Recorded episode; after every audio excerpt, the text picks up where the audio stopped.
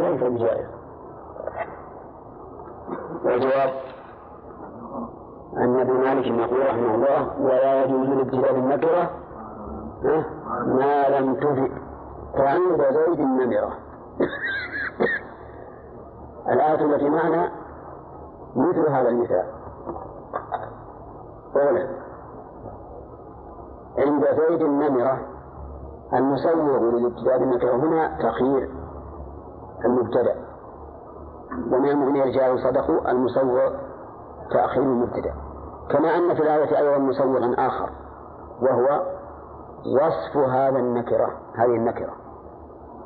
لأن وصف النكرة يخصصها من المؤمنين. ومن في قول من المؤمنين للتبعير من للتبعير. لأنها تقدر ببعض. واختلف النحويون في من؟ التبعيضية فقال بعضهم إنها اسم. إنها اسم. وهي بحسب العوامل. لكن لا يظهر عليها عمل العامل لأنها حرف. فينتقل العمل إلى ما بعدها.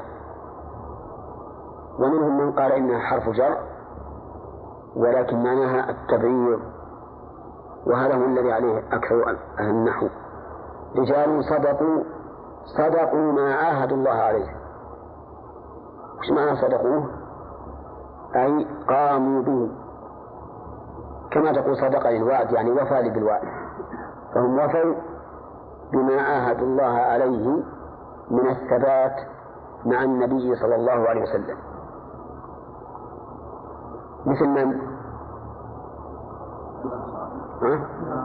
مصعب بن عمر وغيره. أبو بكر مثل أبي بكر وعمر وعثمان وعلي. نعم كثير من هذا. يقول الله عز وجل فمنهم من قضى نحبه مات أو قتل في سبيل الله ومنهم من ينتظر ذلك وما بدلوا تبديلا في العهد وهم بخلاف حال المنافقين.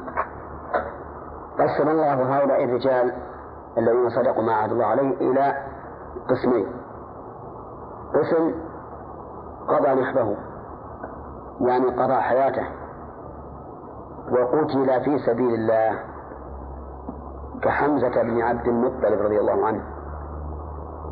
فإنه قتل شهيدا في سبيل الله وكذلك بقي شهداء أحد. ومنهم من ينتظر. وش ينتظر؟ ينتظر القتال في سبيل الله. لأنه لأنه قد صدق الرسول عليه الصلاة والسلام أو قد صدقوا ما عهد الله عليه فهم ينتظرون أن يستشهدوا. ولكن هل يحصل لهم ذلك أو لا؟ قد يحصل. وقد لا يحصل.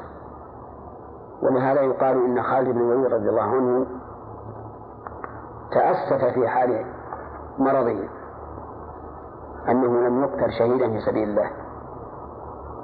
وقال يعني يندم أنه ما ترك معركة إلا خاضها وها أنا أموت على فراشي كما يموت الحمار. لأنهم يريدون أن يستشهدوا في سبيل الله. قال وما بدلوا تبديلا. هل معطوف على صدق ما عهد الله عليه. يعني ومنهم رجال ما بدلوا تبديلا. وش بدلوا؟ يقول المؤلف في العهد والتبديل في العهد يشمل نقضه بالكلية ويشمل الإخلال بشيء من شروطه. يعني يشمل نقضه بالكلية وعدم الالتفات إليه أو الإخلال بشيء من شروطه. قال أعوذ بالله من الشيطان الرجيم. قال الله عز وجل من المؤمنين رجال صدقوا ما عاهدوا الله عليه. من المؤمنين خبر مقدم رجال مبتدأ مؤخر. وصدقوا الجملة صفة للرجال. صدقوا ما عهد الله عليه أي أنهم صدقوا أقوالهم بأفعالهم. فالعهد الذي عهد, عهد الله عليه قاموا به ووفوا ووفوا به. واعلم أن معنى قوله من المؤمنين رجال صدقوا أن معناها من المؤمنين رجال عاهدوا الله فصدقوا ما عاهدوا الله عليه. وليس المعنى أن من المؤمنين رجال صدقوا ومنهم من لم يصدق. حتى يتشبث به من سب الصحابة أو قال إنهم ليسوا كلهم صادقين. بل المعنى من المؤمنين رجال عاهدوا الله فصدقوا ما عاهدوا الله عليه. ومن المؤمنين من لم يعاهد الله سبحانه وتعالى على شيء بل هو مستمر على طاعة ربه حيث ما أمر. ممن عاهد الله أنس بن ابن النضر رضي الله عنه. فإن أنس بن النضر لم يشهد أحدا لم لم يشهد بدرا. فلما رجع النبي صلى الله عليه وسلم من بدر قال يا رسول الله هذه أول غزوة قاتلت فيها المشركين. والله لأن أبقاني الله تعالى ليرين الله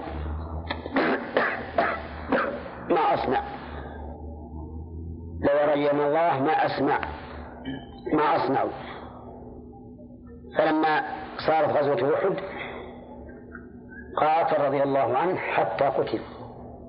فكان فيه بضع وثمانين ما بين ضربة رمح طعنة رمح أو ضربة سيف. فصدق ما عهد الله عليه. هذا هو معنى الآية. صدقوا ما عهد فقوله ليرين الله ما أصنع هذا عهد. لأنه التزام التزم به على نفسه. قال فمنهم من قضى نحبه. يعني فمن هؤلاء الذين عاهدوا الله عز وجل من قضى نحبه أو عهده والتزامه. وقيل من قضى نحبه أو أجله. أي مات وقتل. ومنهم من ينتظر. يعني ينتظر الموت والقتل شهيدا في سبيل الله عز وجل. قال من المؤمنين رجال صدقوا ما عاهدوا الله عليه.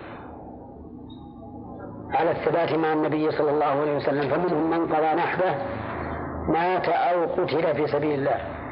ومنهم من ينتظر ذلك وما بدلوا تبديلا. يعني ما حصل منهم تبديل. لا بالنقض بالكلية ولا بالتغيير. ولهذا قال ما بدلوا.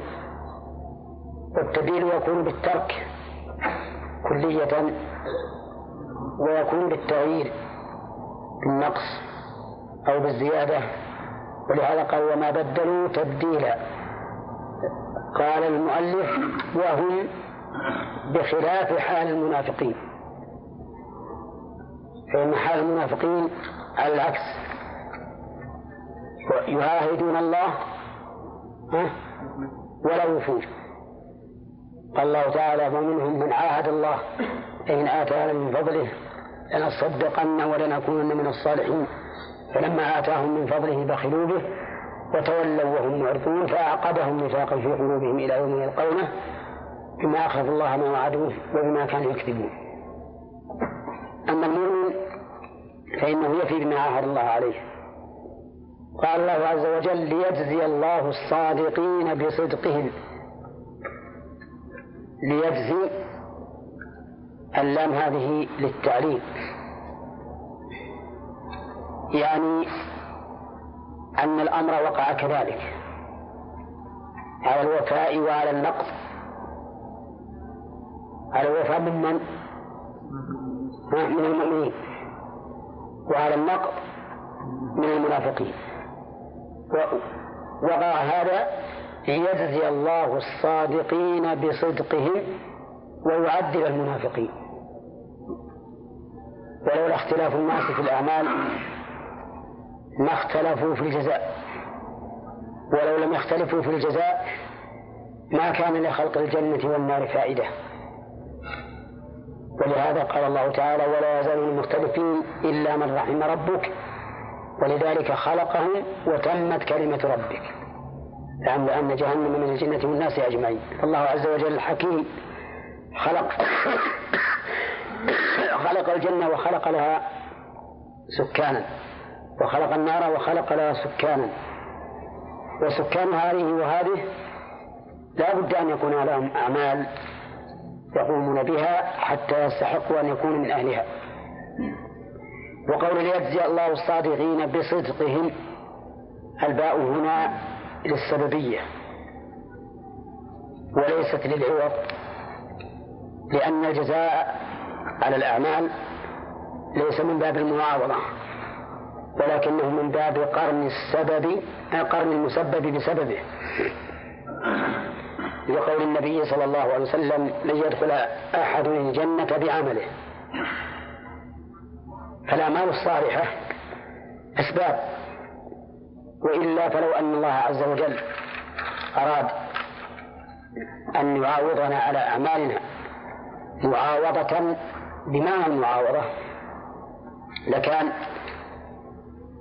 لو قابلنا بنعمة واحدة من نعمه علينا ما ما قابلت كل أعمالنا. أو ما قابلتها ما قابلتها كل آمالنا ولكن الأعمال سبب. وقوله بصدقهم. إذا كان الجزاء بالصدق فسيكون على حسب ذلك الصدق. الذين صدقوا ما عهد الله عليه يكون جزاؤهم على صدقهم بحسب ما قاموا به. فإذا كانوا أطوع لله عز وجل وأشد تنفيذا لأوامره وأكثر فعلا لطاعته صار جزاؤهم أكثر والعكس بالعكس. ويعذب المنافقين إن شاء. المنافق من؟ هو الذي أظهر الإيمان وأبطن الكفر. مأخوذ من النافقاء وهي نافقاء اليربوع الذي يجعلها في جحره حتى إذا أتاه أحد من بابه خرج من هذه النافقاء ويعذب المنافقين إن شاء بأن يميتهم على نفاقهم. أشار المؤلف في قوله بأن يميتهم على نفاقهم إلى أن المشيئة هنا أو إلى أن تعذيب المنافقين المعلق بالمشيئة هنا ليس المعنى أنه إن شاء عذبهم وإن شاء لم يعذبهم وقد ماتوا على النفاق. لا إذا ماتوا على النفاق فقد أخبرنا الله تعالى أنهم في الدرك الأسفل من النار وليس وليسوا تحت المشيئة. فيكون قوله إن شاء بأن يبقوا على نفاقهم حتى يموت. فإذا بقوا إلى على نفاقهم إلى الموت علمنا أن الله قد شاء تعذيبهم. أما إن هداهم الله فإن المنافقين قد اهتدوا.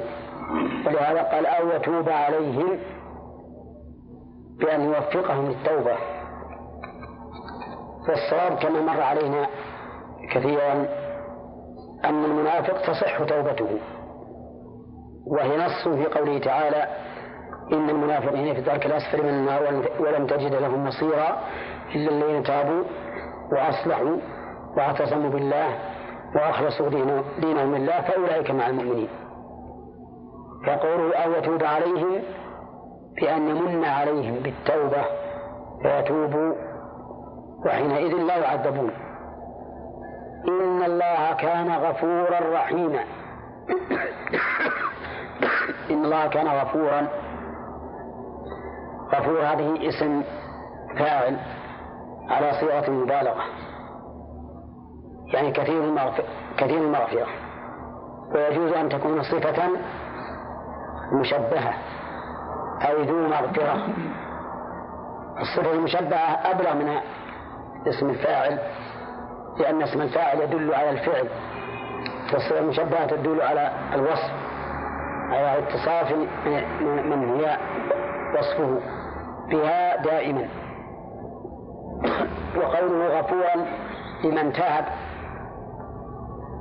فيه شيء من النظر لأن الله تعالى يغفر حتى لمن لم يتب ممن هو تحت المشيئة كفاعل المعاصي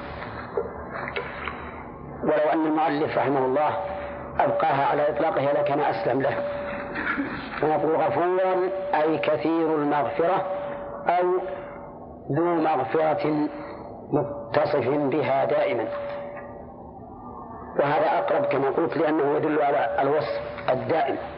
ويدل عليه قوله تعالى وإن ربك لذو مغفرة, لذو مغفرة للناس على ظلمهم. وقول رحيما به يقول به أي بمن تاب. والصواب أنه رحيم بمن تاب وبغيره. وأن رحمة الله عز وجل بالمعنى العام تشمل المؤمن والكافر والبر والفاجر وكل أحد كل أحد فإنه داخل في رحمة الله. هذا بالمعنى العام. أما المعنى الخاص فإن الرحمة تختص بالمؤمنين.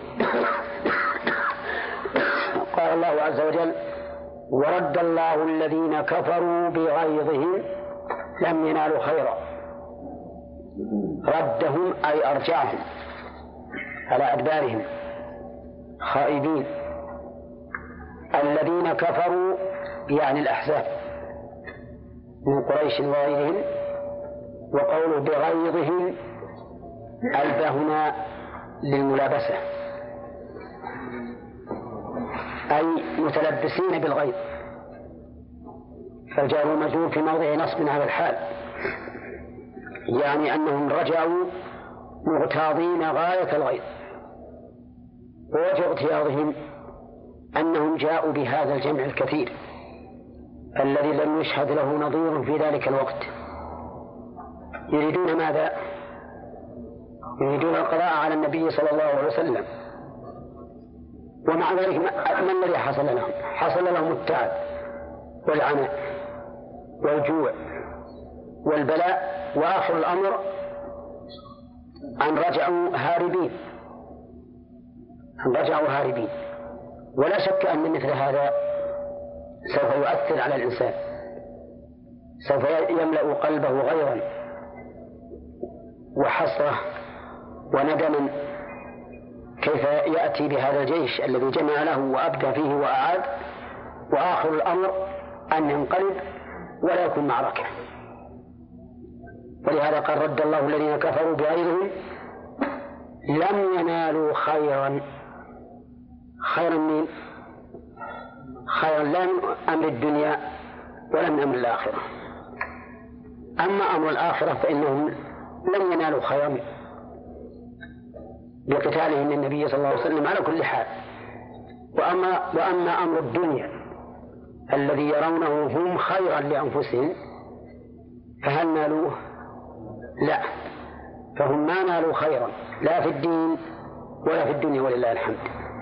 حتى ما يظنونه خيرا من هزيمة رسول الله صلى الله عليه وسلم والقضاء عليه وعلى أصحابه ما حصل لهم ذلك.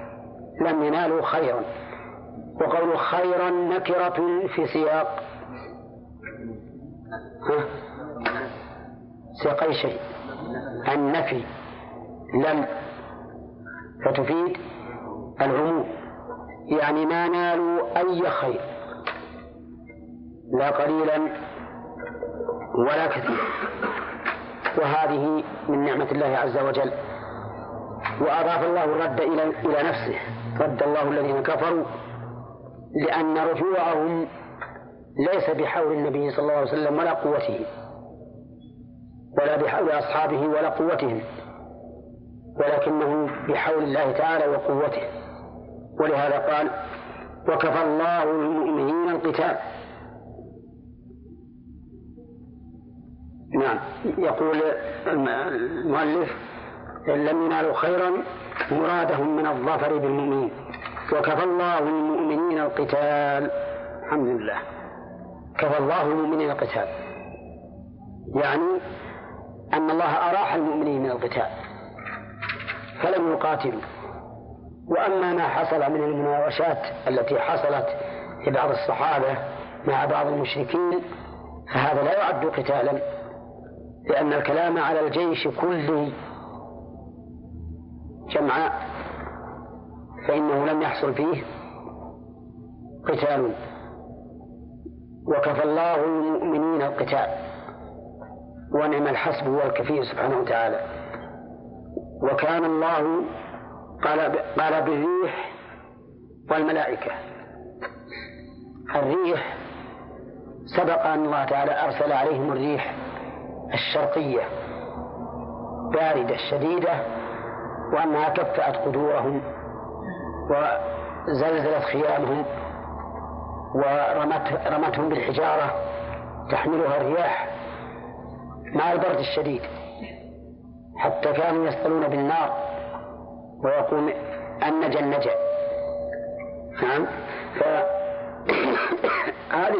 هذه الريح. أما الملائكة فإن الله سبحانه وتعالى سلط الملائكة عليهم بأن تلقي في قلوبهم الرعب والفزع والخوف وتحوشهم حتى ينصرفوا من المكان. وهذا من نصر الله عز وجل في الرسول صلى الله عليه وسلم. وكفى الله من القتال وكان الله قويا على إيجاد ما يريده عزيزا غالبا على أمره.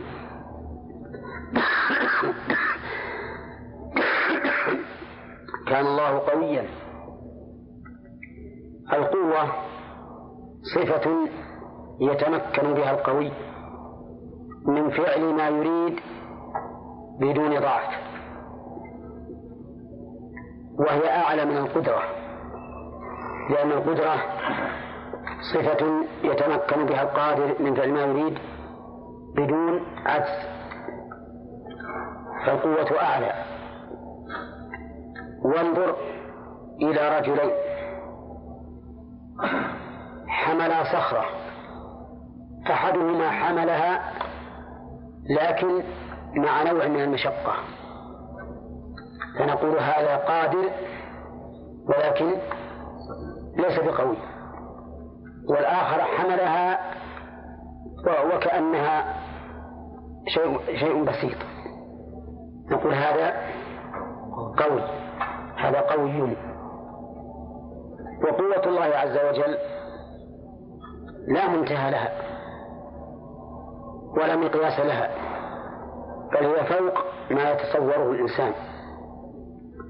لما قالت عاد من أشد منا قوة قال الله عز وجل أولم يروا أن الله الذي خلقهم هو أشد منهم قوة. وكانوا بآياتنا يجحدون فأرسلنا عليهم ريحا صرصرا في أيام نحسات لنذيقهم بعض الذي عملوا لعلهم يرجعون. نعم. لنذيقهم عذاب الخزي في الحياة الدنيا ولعذاب الآخرة أخزى وهم لا ينصرون. وأما قوله عزيزا يقول غالبا على أمره. فالعزيز من أسماء الله تعالى له ثلاث معاني. عزيز القدر وعزيز القهر وعزيز الامتناع. أما عزيز الامتناع فمعناه أنه يمتنع أن يناله سبحانه وتعالى سوء أو نقص في جميع صفاته. وجميع أفعاله. وأما عزة القدر فمعناه أنه ذو قدر عظيم رفيع. مثل ما تقول فلان عزيز النفس يعني له عزة وترفع عن الدنايا.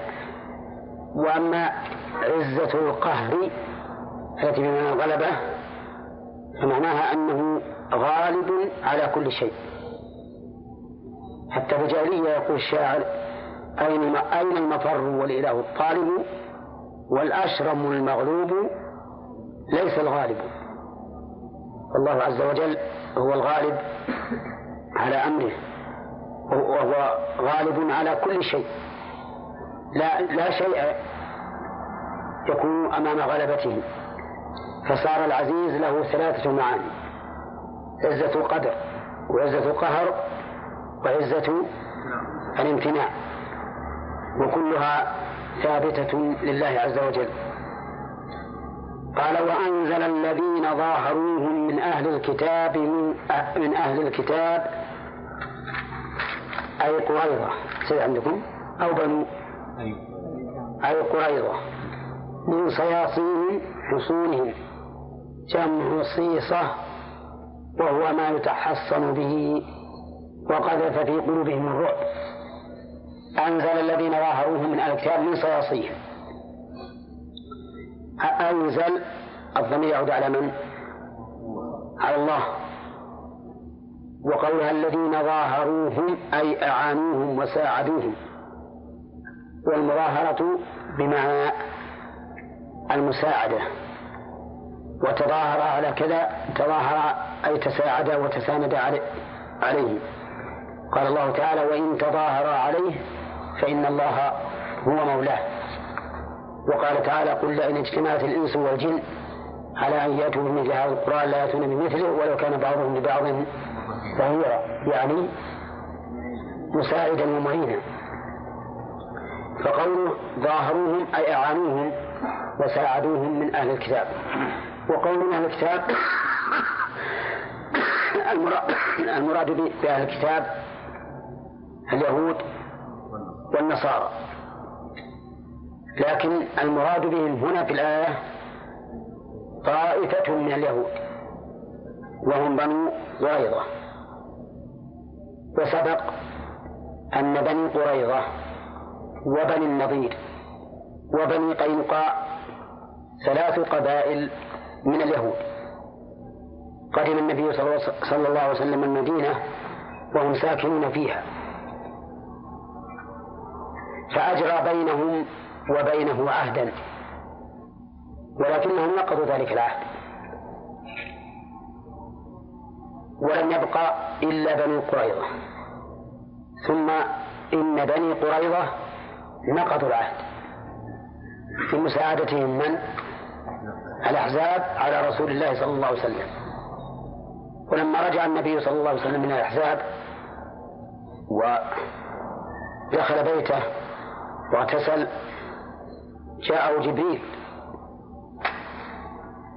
وقال, وقال له اخرج إلى هؤلاء. اخرج إلى هؤلاء. شيء إلى بني قريظة. فإنهم نقضوا العهد فرجع فأمر النبي عليه الصلاة والسلام أصحابه أمرهم بالخروج. وقال لا يصلين أحد العصر إلا في بني قريظة. ما توانى الصحابة رضي الله عنهم ولا تأخروا. مع ما هم فيه من التعب والضعف. فخرجوا. فحاصروا بني قريظة لمدة نحو عشرين يوما. حتى نزلوا على حكم سعد بن معاذ رضي الله عنه. يقول الله عز وجل هنا وأنزل الذين ظاهروهم من أهل الكتاب من صياصيهم من صياصيهم جار ومجرور متعلق بأنزل يعني أنزل هؤلاء من صياصيهم أي من من مآمنهم. والأصل في صياصي حظائر حظائر البقر. لأنها تؤمن فيها. فمن صياصيهم يعني من مآمنهم وحصولهم التي يتحصن فيها ولكن ذلك لم يغنهم من الله شيئا. أنزلهم من صياصيهم انتهى. لا يكون غدينا مش ما خالد كثير نعم. من صياصيهم وقذف في قلوبهم الرعب قذف بمعنى رمى. وهو أشد وقعا من قوله وضع. يعني لو قد وضع في قلوبهم الرعب أفاد أن أن الرعب صار في القلوب. لكن إذا قد قذف صار أشد. والرعب بمعنى الخوف. وإذا وقع الخوف في القلب فلا تسأل عن الخائف. يظن أن الشجر نفر. لا يتصور الأمور على حقائقها. حتى لو ناداه أحد من أصحابه ظن أنه عدوه. يناديه ليقتله. ولا أشد من سلاح يفتك بالعدو من الرعب. ولهذا قال النبي عليه الصلاة والسلام نصرت بالرعب مسيرة شهر. أما إذا ثبت القلب واطمأن فإن المقاتل سيثبت. كما قال الله تعالى يا أيها الذين آمنوا إذا لقيتم فئة فاثبتوا واذكروا الله كثيرا لعلكم تفلحون. وذكر الله تعالى تطمئن به القلوب. ألا بذكر الله تطمئن القلوب؟ وأخبر الله عز وجل أن الله أنزل على أهل بدر المطر ليثبت به الأقدام وتكون به السكينة والحاصل أن الرعب من أشد الأسلحة فتكا بالعدو. قذف في قلوبهم الرعب. فريقا تقتلون وتأسرون فريقا. قال قال المؤلف فريقا تقتلون منهم وهم المقاتلة وتأسرون فريقا منهم أي الذراري هم لما طال بهم الحصار ونزلوا على حكم الرسول عليه الصلاة والسلام خيرهم قال من تريدون أن تنزلوا على حكمه؟ قالوا نريد أن ننزل على حكم سعد بن معاذ. وكان سعد بن معاذ رضي الله عنه حليفا لهم فظنوا أنه سيفعل مثل ما فعل عبد الله بن أبي في حلفائه من, من اليهود حين شفع فيهم إلى رسول الله صلى الله عليه وسلم وتركهم.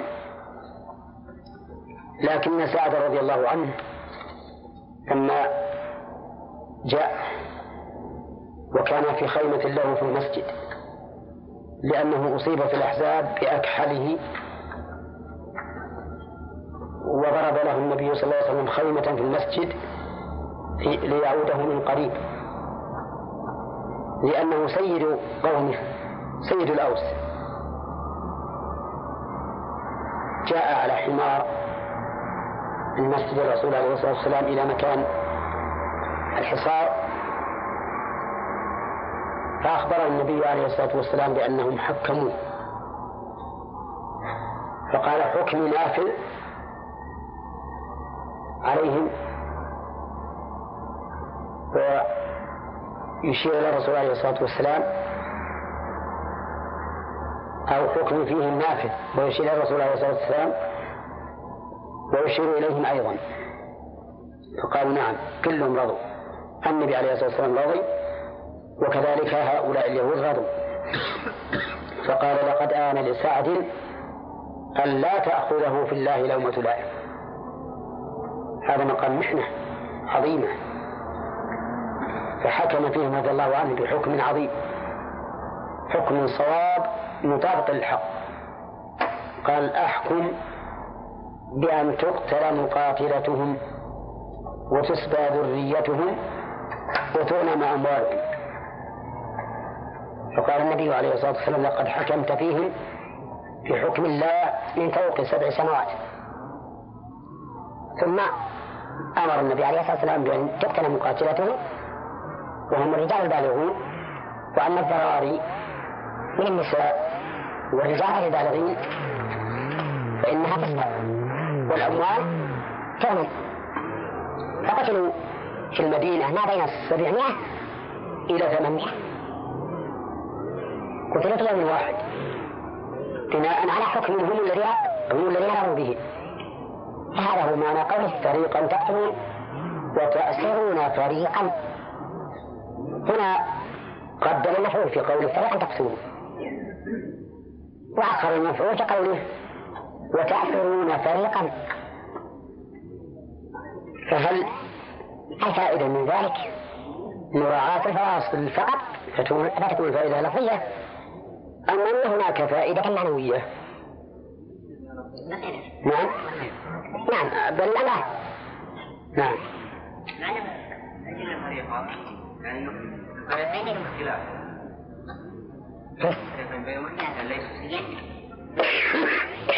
كيف ذلك؟ نعم. يعني نعم.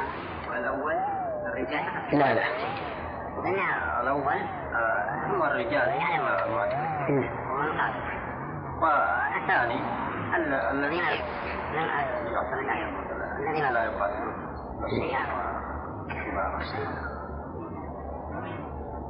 أقول من الأول أشهد أشهد وقع من الأول أقدم. نعم هذا هو الظاهر. لأن الحكم الأول أشد وأبلغ. لهذا قدم مفعوله. فريقا تقصرون. والثاني دون ذلك. لأن الأصيل ربما يمن عليه بإطلاقه. فقد تأسرون فريقا. هذا مع مراعاة اللفظ. مع مع مراعاة اللفظ هو مراعاة الفواصل فواصل الآيات. ولهذا قال تعالى في سورة البقرة. فريقا كذبوا وفريقا يقتلون. ففريقا كذبوا وفريقا يقتلون. وفريقا كذبتم وفريقا تقسمون إن كان التكذيب للرسل شديدا قدم فيه المفعول كما قدم المفعول في قتلهم. فهذه قصة الأحزاب انتهت انتهت على قوله وكان الله على كل شيء قديرا. وأورثكم نعم. وأورثكم أرضهم وديارهم. وأموالهم وأرضا لم تطئوها بعد وهي خيبر وأخذت بعد قريظة وكان الله على كل شيء قدير. أورثكم أرضهم. هذه تنصب مفعولين المفعول الأول الكاف والثاني أرضهم أورثكم أرضهم. وديارهم. كيف الأرض والديار؟ بينهما فرق. الديار جمع دار وهي المساكن والأحياء. وأما الأرض فهي أعم من ذلك. والأموال هي الأمتعة والدراهم والدنانير وغير ذلك. وأرضا لم تطعوها. يعني ما بعد وطأتموها حتى الآن. ولكن ولكنكم سترثونها. وهي أرض خيبر. فإن النبي صلى الله عليه وسلم فتحها بعد ذلك في السنة السادسة. وكان الله على كل شيء قديرا. فلا يوجده شيء. وقول على كل شيء وكان الله على كل شيء قديرا. قدم المفعول لتحقق وقوع الفعل به. ولهذا قال كان الله على كل شيء قديرا. ولا ولا تقل كما يقول بعض الناس إن إنه على ما يشاء قدير. لأن كذا قلت على ما يشاء قدير. خصصته خصصت قدرته بما يشاء. مع أن القدرة تتعلق بما بالذي شاءه. والذي لم يشاءه. حتى الذي لم يشاءه قادر عليه. الله أعلم. قال له قال الرسول عليه الصلاة والسلام قوموا إلى سيدكم. فقاموا إلى سيدهم سعد بن معاذ وأنزلوه من حماره. وجلس أمام النبي صلى الله عليه وسلم. فقال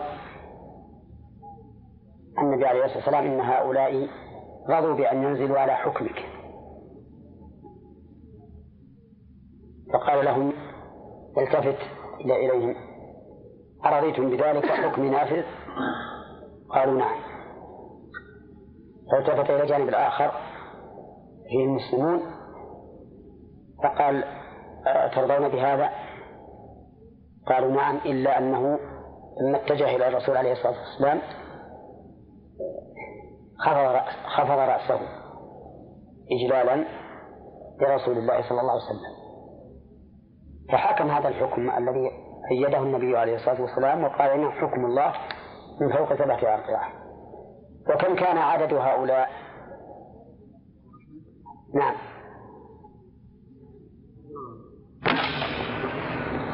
قالوا لما رأوا الأحزاب هذا ما وعدنا الله ورسوله.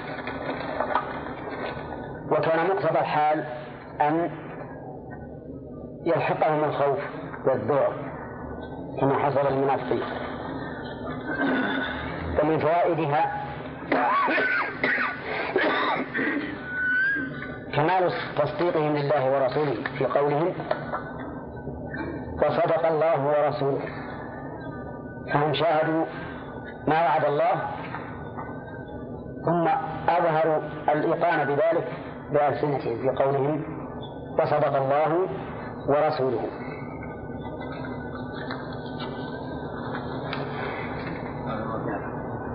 استدل تقدم. استدل بعض الجهال في هذه الآية على مشروعية ختم القرآن بقولهم صدق الله. وقالوا كيف تنكرون علينا إذا أتمنى القراءة؟ وقلنا صدق الله العظيم. مع الله يقول وصدق الله ورسوله.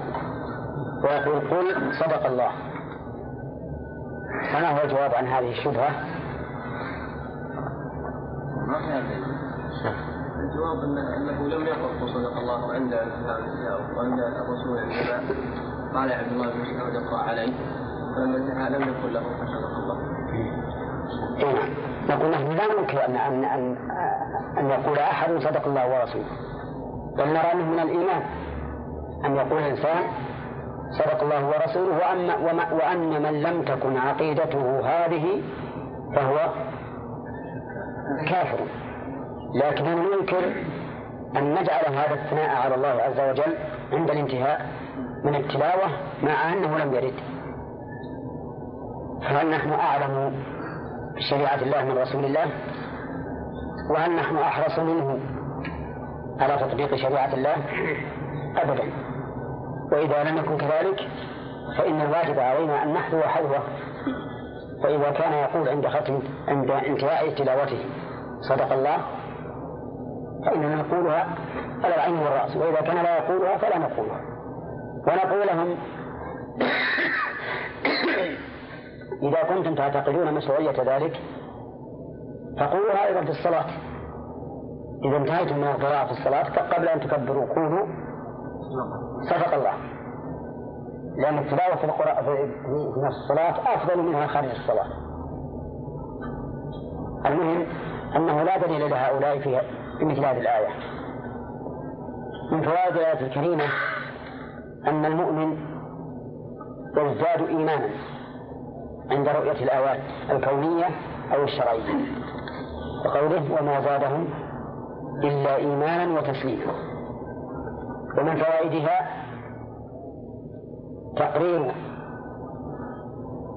أو صحة مذهب أهل السنة والجماعة الذين يقولون إن الإيمان يزيد وينقص. كذا؟ وقد ذكرنا أن زيادة الإيمان باعتبارات. باعتبار باعتبار قوة اليقين. وباعتبار كثرة العمل. وباعتبار الإخلاص فيه. وباعتبار المعاملة المتابعة للرسول عليه الصلاة والسلام. وباعتبار العامل نفسه. كل هذه الاعتبارات يزيد بها الإيمان. ما هو الأول؟ باعتبار قوة اليقين. فإبراهيم عليه الصلاة والسلام قال ربي أرني كيف تحيي الموتى قال ولم تؤمن؟ قال بلى ولكن ليطمئن قلبي. فليس الخبر كالمعاينة. لو أخبرك من تثق به تمام الثقة. عن وجود الشيء. آمنت به. لكنك إذا رأيته بعينك صار ذلك أقوى إيمانا. ثانيا باعتبار كثرة العمل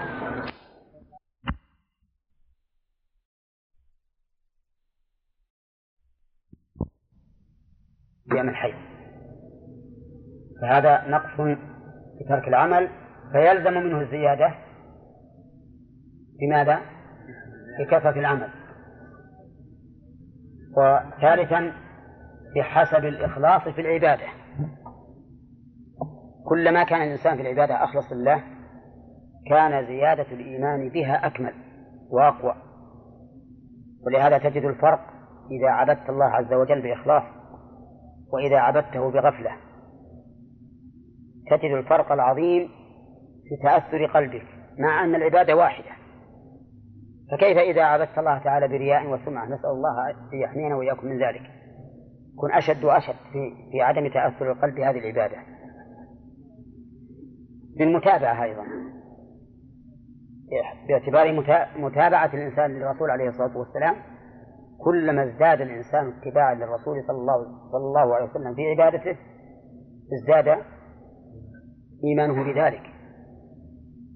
لأنه عندما يزداد اتباعا للرسول عليه الصلاة والسلام يشعر كأن الرسول صلى الله عليه وسلم أمامه يتابع أثره.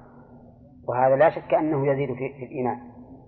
والخامس باعتبار حال العامل. النبي عليه الصلاة والسلام يقول لو أنفق أحدكم مثل أحد ذهبا ما بلغ مد أحدهم ولا نصيبه. يعني الصحابة رضي الله عنهم. لأنهم إيش؟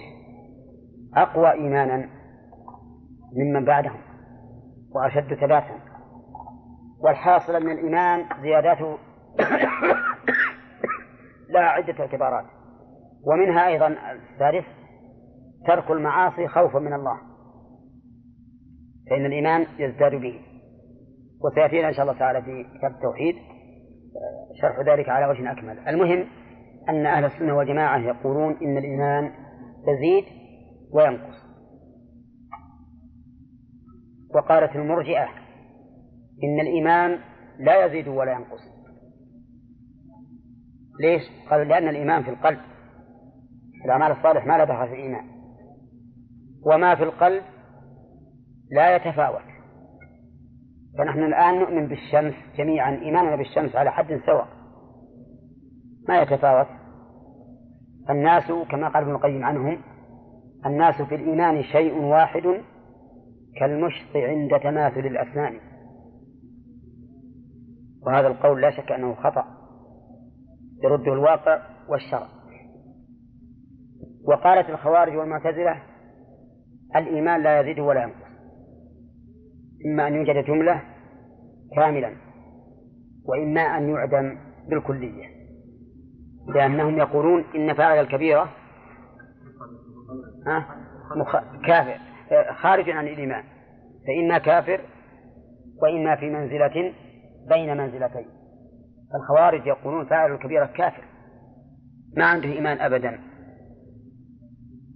والمعتزلة يقولون لا إيمان عنده. لكن لا نقول أنه كافر بل هو في منزلة بين منزلتين.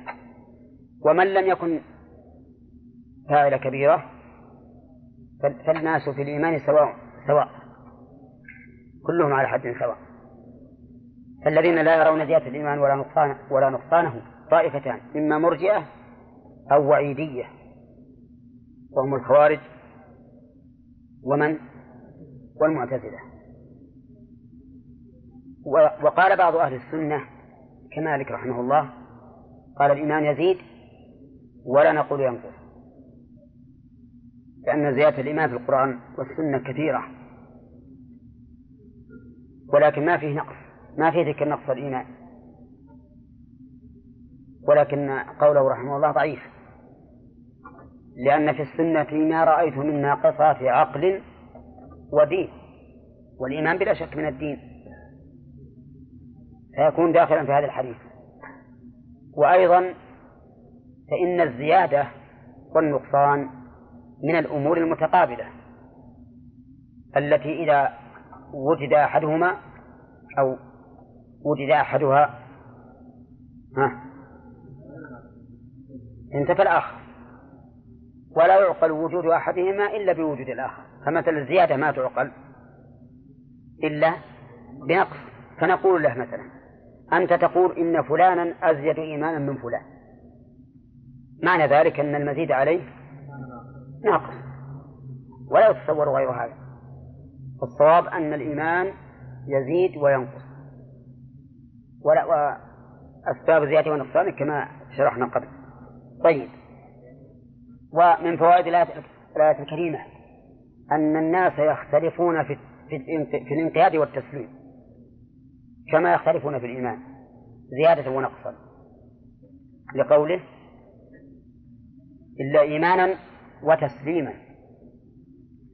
لأن عامة المؤمنين كلهم منقادون للشرع. لكن منهم من ينقاد بطمأنينة وانشراح وقبول ومحبة ومنهم من يسلم على وجه دون ذلك. فمنهم من يأتي إلى الصلاة مثلا وهو يرى أنها نعمة من الله عز وجل. يأتي إليها مقبلا غير مدبر نشطا منشرح الصدر محبا لها. ينتظر الصلاة بعد الصلاة بفارغ الصبر. ومنهم أناس بالعكس يأتون إلى الصلاة لا يتخلفون لكن ببطء وتثاقل وعدم انقياد تام أليس كذلك؟ إذا الناس يختلفون في التسليم ولهذا قال إلا إيمانا وتسليما ومن فوائد الآية الكريمة أن التأمل في الآيات ووضوح الآيات للعبد تزيد في إيمانه وتسليمه بقوله وما زادهم أي ما رأوه من الأحزاب إلا إيمانا بالله وتسليما لشرعه. من يبي يسأل؟ نعم. نعم.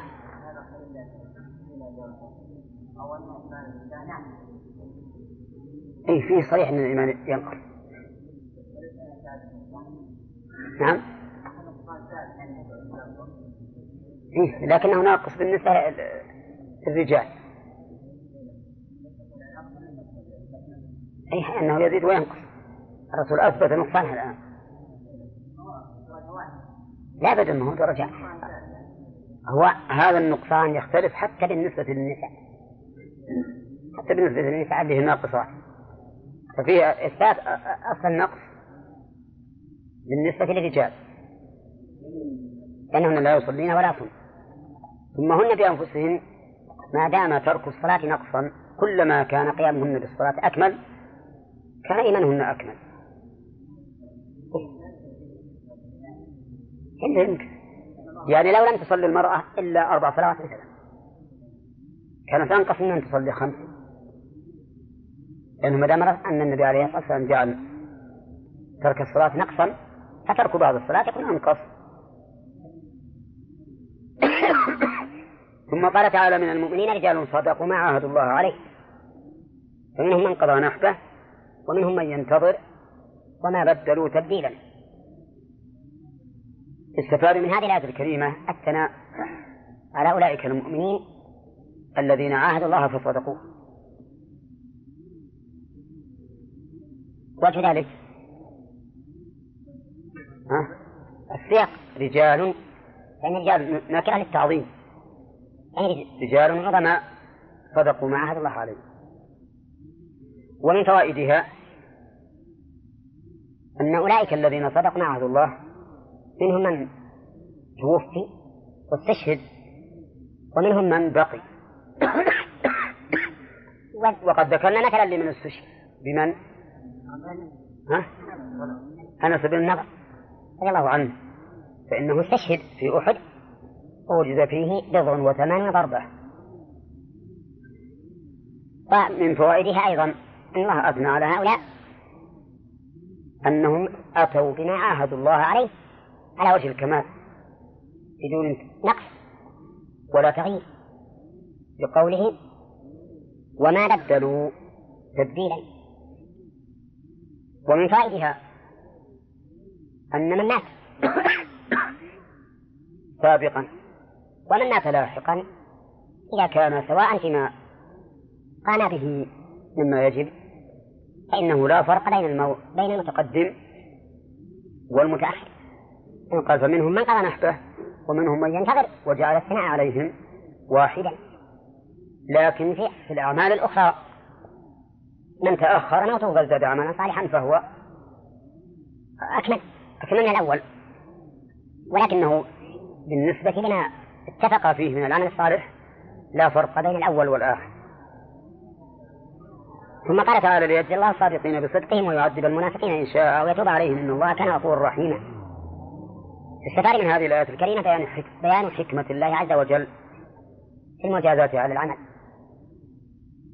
بقوله ليجزي الله الصادقين.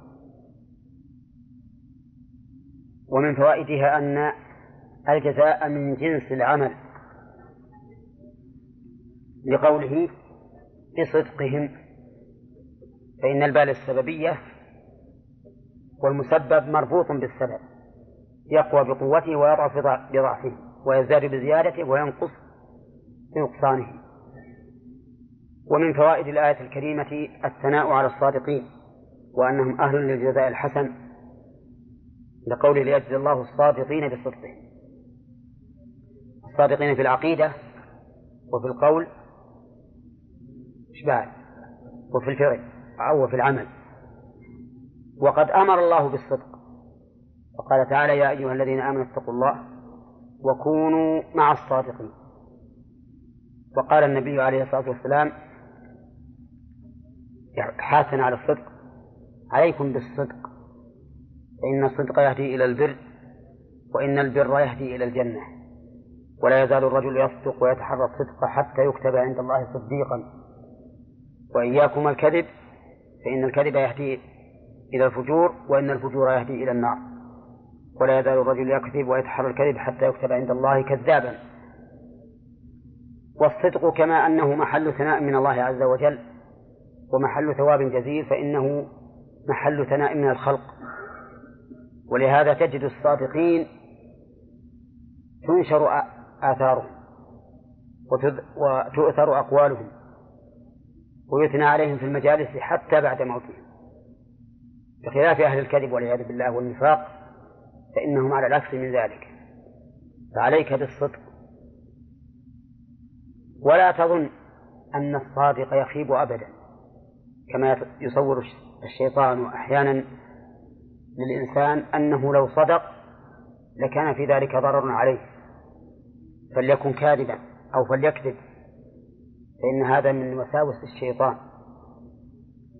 فالصدق منجاة ولهذا قال أحدهم رأيت في الكذب نجاة فقال الثاني له الصدق أنجى وصدق. واعلم أن الصادق وإن كان قد يكون الأمر مرا عليه في أول أمره لكنه تكون العاقبة له في النهاية. وإذا أردت مثلا على ذلك فانظر إلى مثل فانظر إلى حال الثلاثة الذين خلفوا في غزوة تبوك. كيف كان أول أمرهم؟ كانوا في تلك المرارة العظيمة. حتى ضاقت عليهم الأرض بما رحبت وضاقت عليهم أنفسهم. وتنكرت الأرض لهم حتى يقول كعب مالك حتى كأن الناس اللي على الأرض كأنهم ليسوا هم الناس اللي عليه. ضاقت عليه الأرض. والنتيجة؟ النتيجة أنه نزلت فيهم آيات تتلى إلى يوم القيامة. لولا هذا الصدق ما بقيت هذه الآيات. حتى قيل للناس يا أيها الذين آمنوا اتقوا الله وكونوا مع الصادقين عندما ذكرت قصتهم. هذا نهاية عظيمة جدا للصادقين. فأنت أصدق وإن حصل عليك ضرر في أول أمرك لكن العاقبة لك. لا تعود نفسك الكذب.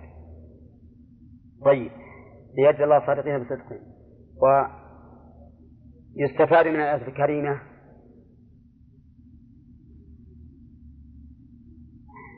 ذم النفاق وأنه سبب للعذاب بقوله ويعذب المنافقين ويستفاد منه أن المنافق له توبة كقوله إن شاء إنه يشاء أن يعذبهم إذا ماتوا على النفاق. أما إذا تابوا فقد شاء أن لا يعذبهم.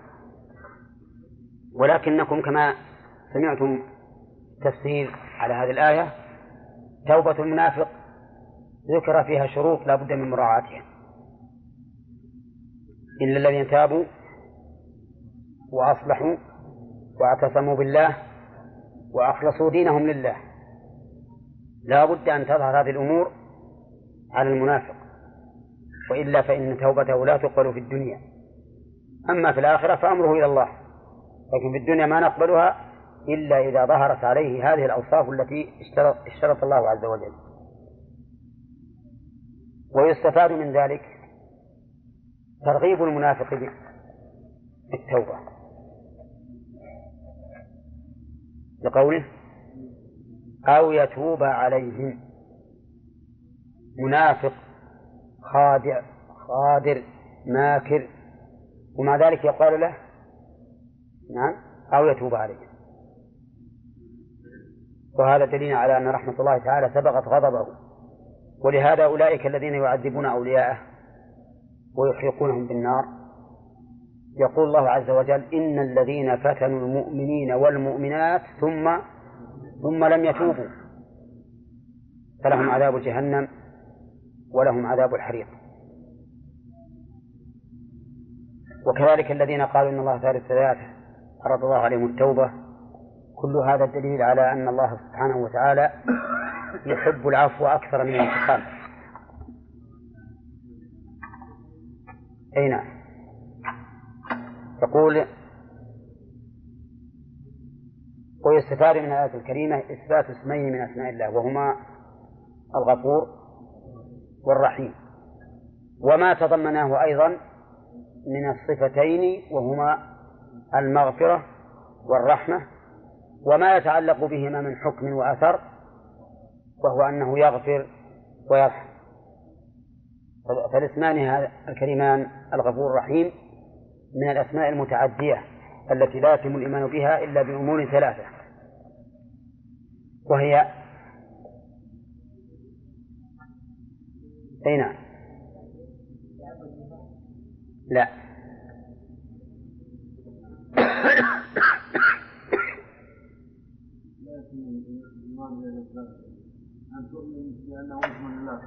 نعم.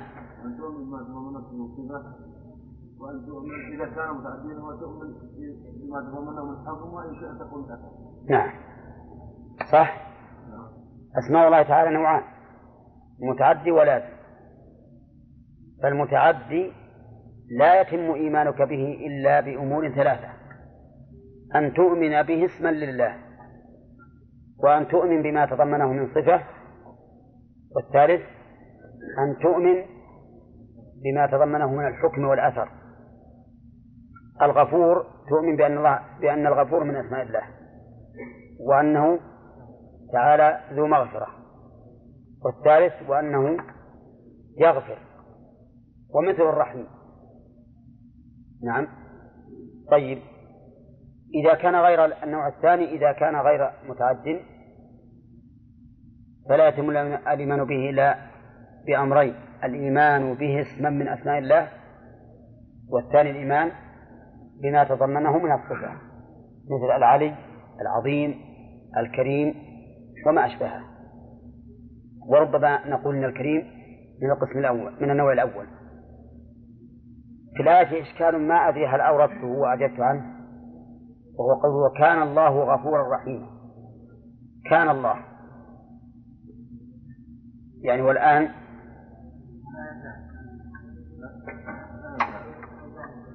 أي نعم لكن كيف نجيب عن قوله كان الله غفورا؟ ما الاستمرار لا ما تأتي للاستمرار كان ما تأتي للاستمرار في حد ذاتها ها؟ نعم نحن نقول نتحقق أن الله كان غفورا رحيما لكن كان فبان آه. نعم نقول إن كان يراد بها أحيانا اتصاف اسمه اتصاف اسمها بخبرها بقطع النظر عن الزمن وهو ما تعرف بمسلوبة الزمن. يعني ما ما يراد بها الزمن إطلاقا بل يراد بها تحقق هذا الوصف. كان يعني ثبت عرفتم؟ فكان الله غفور رحيما يعني أنه عز وجل لم يزل ولا يزال كذلك. غفورا رحيما. أظن ما يمكن نكمل إلى الله سبحانه وتعالى من المؤمنين رجال. هذا ثناء الله سبحانه وتعالى على المؤمنين. مع الرجال تسميتهم رجال. نعم. هل معنى هذا شيخ الذين لم يذكروا الله سبحانه وتعالى؟ لا نسميهم رجال نسميهم ذكور مثلا. هل رجل إيه، قد نقول مثلا إن إن الرجال إن حصل الثناء بالتعظيم بالتنكير الدال على التعظيم. تنكير الدال على التعظيم. أما مجرد رجال أما مجرد كلمة رجال فتطلق على المؤمن وغير المؤمن.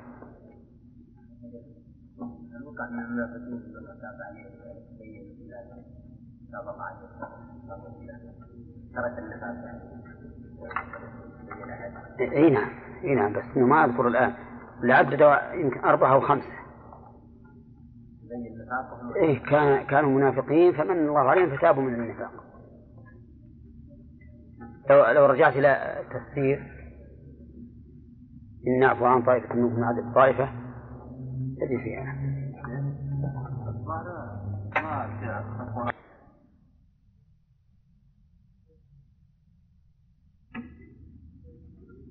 فيستفاد من هذه الآية الكريمة بيان قدرة الله سبحانه وتعالى حيث رد هذه الأحزاب الكثيرة العظيمة مع ما في قلوبهم من الغيظ والحنق الشديد على رسول الله صلى الله عليه وسلم وأصحابه ردهم الله عز وجل بغيظه ما اشتفوا ولا نالوا مرادهم.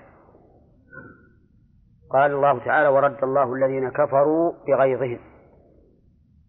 ولهذا أثنى النبي صلى الله عليه وسلم على ربه بهزيمة الأحزاب بهزيمة الأحزاب.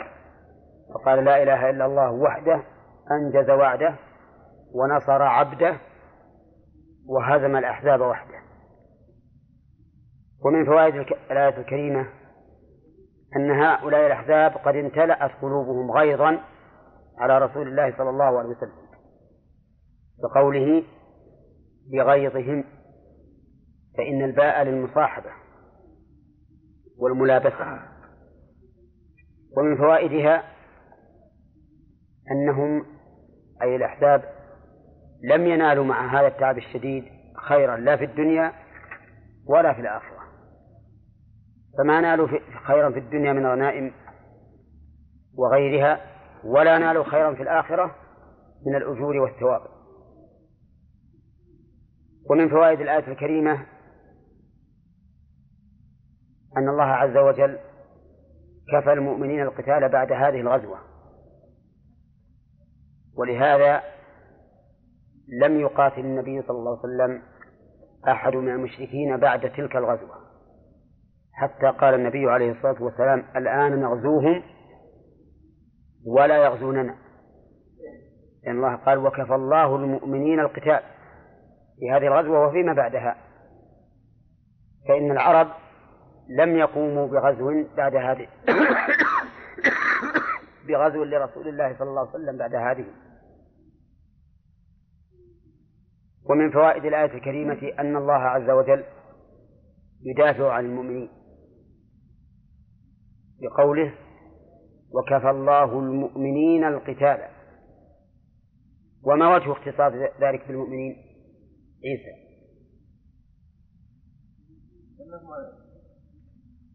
من أين يؤخذ من الآية أنه خاص بالمؤمنين؟ المؤمنين. نعم خصه بالمؤمنين.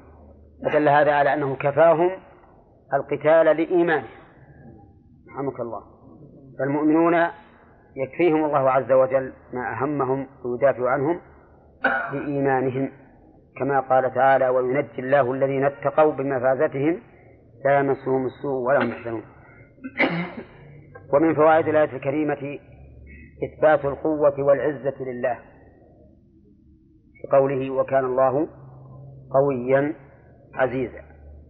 وفيها إثبات هذين الاسمين من أسمائه وهما القوي والعزيز.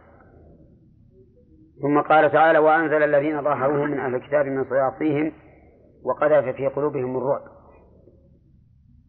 يستفاد من هذه الآية الكريمة منة أخرى على المؤمنين وهي إنزال هؤلاء الذين غدروا من اليهود من بني قريظة من حصونهم التي تحصنوا بها.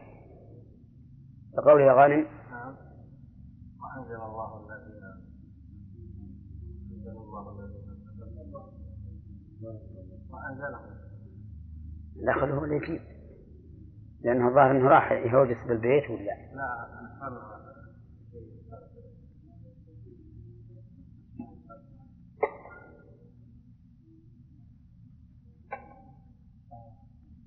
ها؟ وأنزل الله. راحت الصف الذين ظاهروهم. وأنزل الله. وأنزل الذين ظاهروهم. نعم. وأنزل الذين ظاهروهم من أهل الكتاب من صياصيه ومن فوائد الآية الكريمة أن اليهود والنصارى أعداء للمسلمين موالون للمشركين.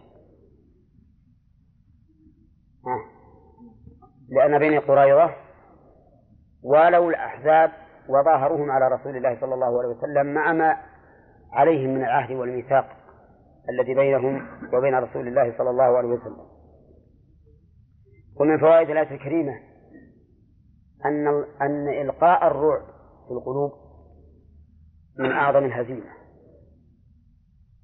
وقوله وقذف في قلوبهم الرعب.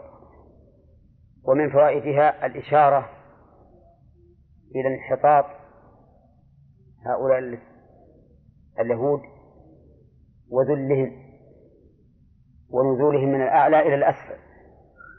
وأنزل الذين ظاهروه من الكتاب من صياصيهم. وفعلا فإنهم حصل لهم مع خروجهم من حصونهم من الذل والعار والخزي ما هو باق إلى يوم القيامة. ومن فوائد الآية الكريمة أن الله عز وجل أباح للمؤمنين هؤلاء اليهود قتلا وأسرا بقوله فريقا تقتلون وتأسرون فريقا. ومن فوائدها في قوله وأورثكم أرضهم وديارهم إلى آخره أن المؤمنين إذا فتحوا بلدا ملكوا الأرض. بقوله أورثكم أرضهم. وإذا ملكوا الأرض فهل تقسم بين الغانمين؟ أو توقف لبيت المال؟ أو توزع على المؤمنين بخراج؟ نعم. فيه فيه خلاف بين أهل العلم والصحيح أنه يجب على ولي الأمر أن ينظر ما هو الأصلح. إن رأى أن يوزعها على الغانمين فعل كما فعل النبي عليه الصلاة والسلام في خيبر. وإن رأى أن يبقيها لمصالح المسلمين أبقاها. وإن رأى أن يوزعها على المسلمين بخراج يضرب عليها. فعل. مثل ما فعل عمر رضي الله عنه. فيقول مثلا نحن نقسمها عليكم على أن يكون على كل مئة متر كذا وكذا دراهم. مثل الصبرة. وتكون هذه الدراهم تكون للمسلمين. ينتفعون بها. المهم أن أرض الكفار إذا فتحت عنوة فهي لمن؟ للمسلمين. نعم. لقوله وأورثكم أرضهم. نعم.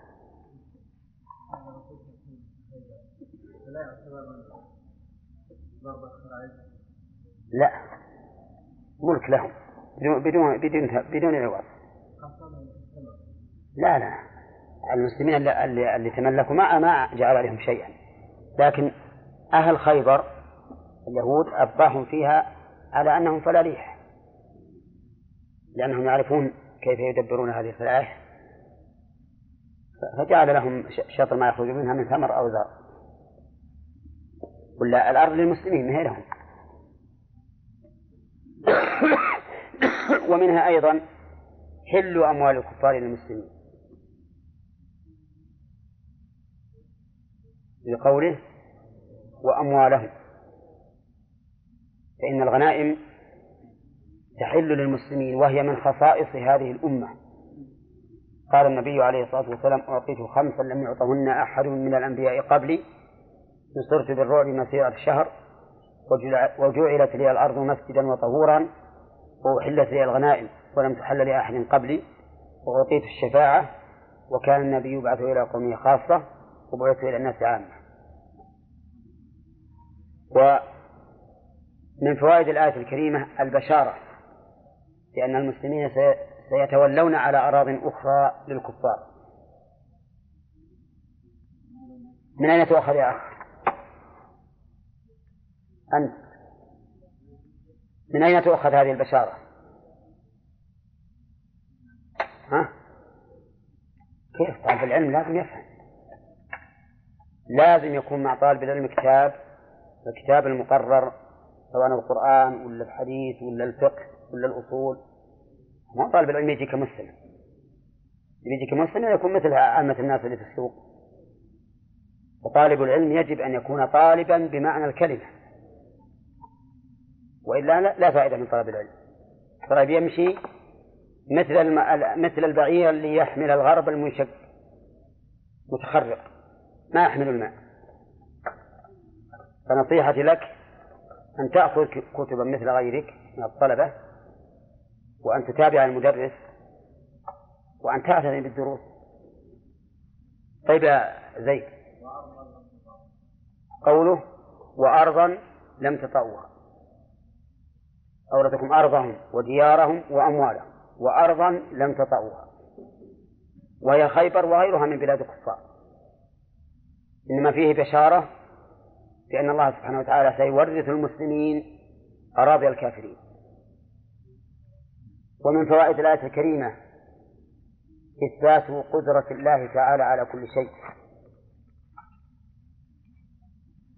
لقوله وكان الله على كل شيء قديرا. فكل شيء فإن الله قادر عليه. لا يعجزه.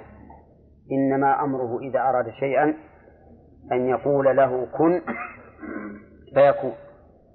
مهما ظننت من تبا من بعد الشيء ووقوع الشيء من بعد وقوع الشيء فلا فلا تستدره على على قدرة الله.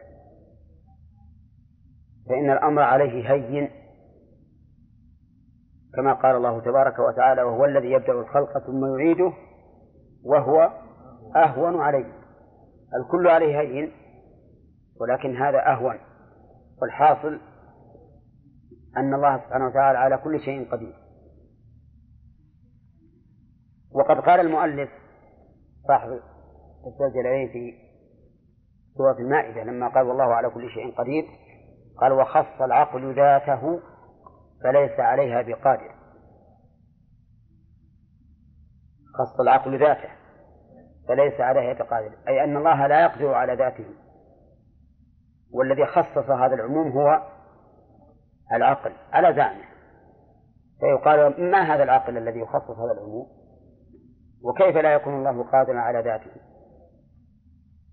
بل هو سبحانه وتعالى قادر على كل شيء حتى على ذاته فهو سبحانه وتعالى يستوى على العرش وينزل إلى السماء الدنيا ويأتي للفصل بين عباده ويفعل ما يشاء وهذه قدرة على الذات. أما إن أراد أنه غير قادر على ذاته فلا يعدمها مثلا. فيقال إن إن هذا شيء مستحيل. والمستحيل لا تتعلق به القدرة أصلا. لم لا تتعلق به القدرة. فهو غير وارد ولا داخل في الآية من الأصل. فأما أن نقول أنه داخل ثم يخصه يخصه العقل فهذا تخصيص لما عممه الله عز وجل. ها؟ أي آية؟ ها؟ ها؟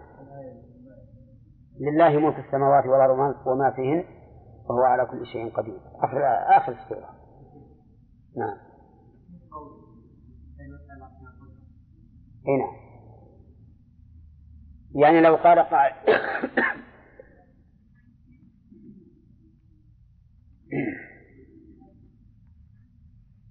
هل يقدر الله عز وجل على أن يجعل الشيء متحركا ساكنا في آن واحد.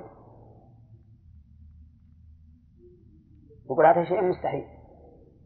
لأنه إن كان متحركا فليس بساكن وإن كان ساكنا فليس بمتحرك. فإذا فإذا جعله الله متحركا لم يكن ساكنا وإن جعله ساكنا لم يكن متحركا. من الأصل. نعم.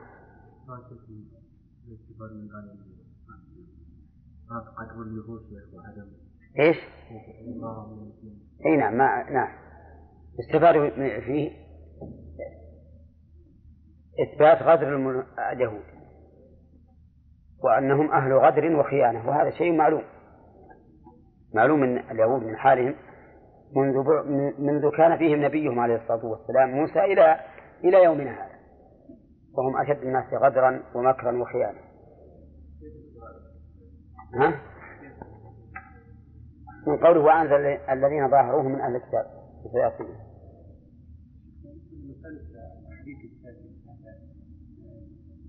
يعني لا نقول أن هذه الأشياء لا ندركها بعقولنا لكن الله عز وجل يعني قادر على كل شيء. لا نعلم يعني العقل البشري لا يمكن أن يتخيل مثلا تحريك الشيء مثلا هنا وهنا في وقت واحد. هذا عقل. لا لا هذا شيء. عقلنا واضح. لأنك إذا وصفته بالحركة انتفع عنه السكون. وإن وصفته بالسكون انتفع عنه الحركة قطعا. يعني ما نعلق هذا على يعني كفر عقل البشر لا لا لا, لا هذا شيء معروف. ما يحتاج إلى نظر. كما لو قلت كل حادث لا بد له من محدث. هذا شيء معقول.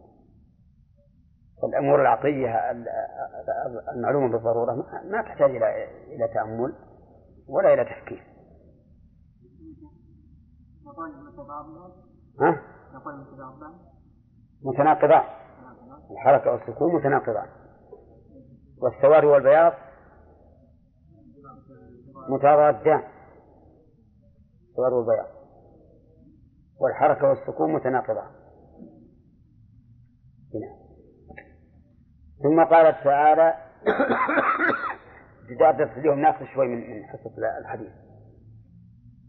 يا أيها النبي قل لأزواجك وبنات إن كنتن تردن الحياة الدنيا وزينتها.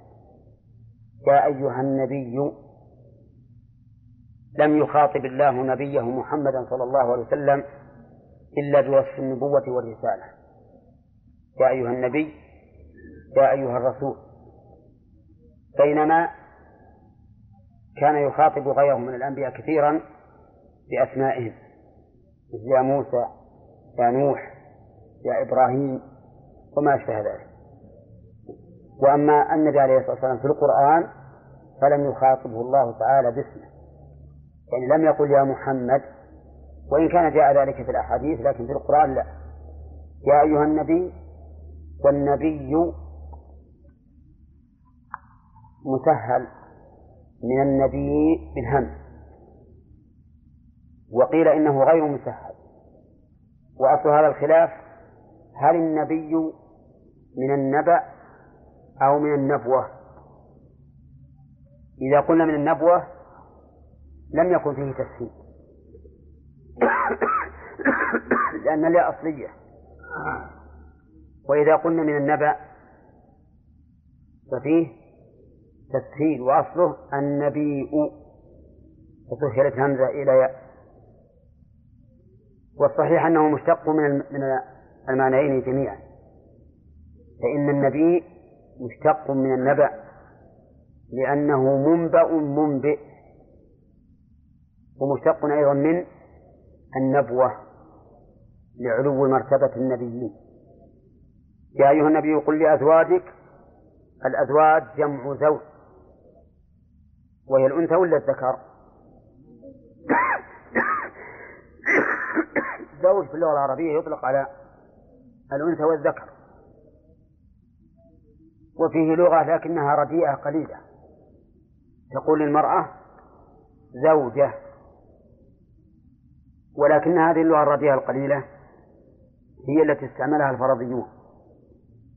فيقول زوج للذكر وزوجة للأنثى من أجل البيان والإيضاح. وهذا أمر لا بد منه في باب الفرائض. قل لأزواجك وهن تسع. خمس منهن قرشيات وأربع غير قرشيات. وطلبن منه من زينة الدنيا ما ليس عنده طلبن منه نفقة كسوة وغير ذلك مما تريده النساء من من الرجال من الأموال والنبي عليه الصلاة والسلام كما نعلم جميعا كان قليل ذات اليد لأنه كان ينفق ما عنده ولا يبقي لنفسه شيئا. فطلبنا منه النفقة وضيقنا عليه وآلى منهن شهرا كاملا اعتزلهن. ثم نزل في آخر الشهر فأنزل الله عليه هذه الآية. يا أيها النبي قل لأزواجك إن كنتن تريدن الحياة الدنيا وزينتها إلى آخره. إن شرطية وفعل الشرط كان كنتن. وجواب الشرط فتعالين أمتعكن. إن كنتن تريدن الحياة الدنيا وزينتها الحياة الدنيا يعني متعها وزينتها ما فيها من الأموال والقصور والمراكب وما أشبه ذلك فتعالينا تعالينا فعل أمر ولا فعل أمر؟ ها؟ لا فعل أمر فعل أمر لأنه تلحقه العلامات. فإذا كانت تلحقه العلامات فهو فعل أمر. ولهذا يقال تعالينا ويقال تعالوا إلى كلمة. نعم. بخلاف هلم فإنها لا تلحق العلامات فهي اسم فعل. فتعالينا يعني أقبلنا إلي. أمتعكن وأسرحكن سراحا جميلا. أمتعكن هذه جواب الأمر جواب الطلب في قوله فتعالينا يعني أعطيكن متاعا تتمتعن به وأسرحكن سراحا جميلا. أطلقكن لأن التسريح ضد التقييد وهذا من الآداب العالية التي أمر الله بها نبيه محمد صلى الله عليه وسلم وإلا كان مقتضى الحال أن يقول إن كنتن تريدن الحياة الدنيا وزينتها فتعالي ها؟ أطلقكن ولا ولا خير في, في من لا, لا تريد إلا الدنيا. ولكن من كمال الرعاية أمتعكن وأسرحكن. أعطيكن مالا تتمتعن به. وأسرحكن أطلقكن سراحا جميلا. يعني ليس فيه عداوة وليس فيه بغضاء وليس فيه حجر لكن بعد ذلك. ولهذا لو أن هذا وقع لكان يحل لهن أن يتزوجن بغيره لأن هذا من الصراح الجميل. إذ لا فائدة من كونها تتصرح من الرسول صلى الله عليه وسلم ثم تبقى محبوسة. ولكن الأمر لم يقع تعالينا أمتعكن وأسرحكن سراحا جميلا. كل النساء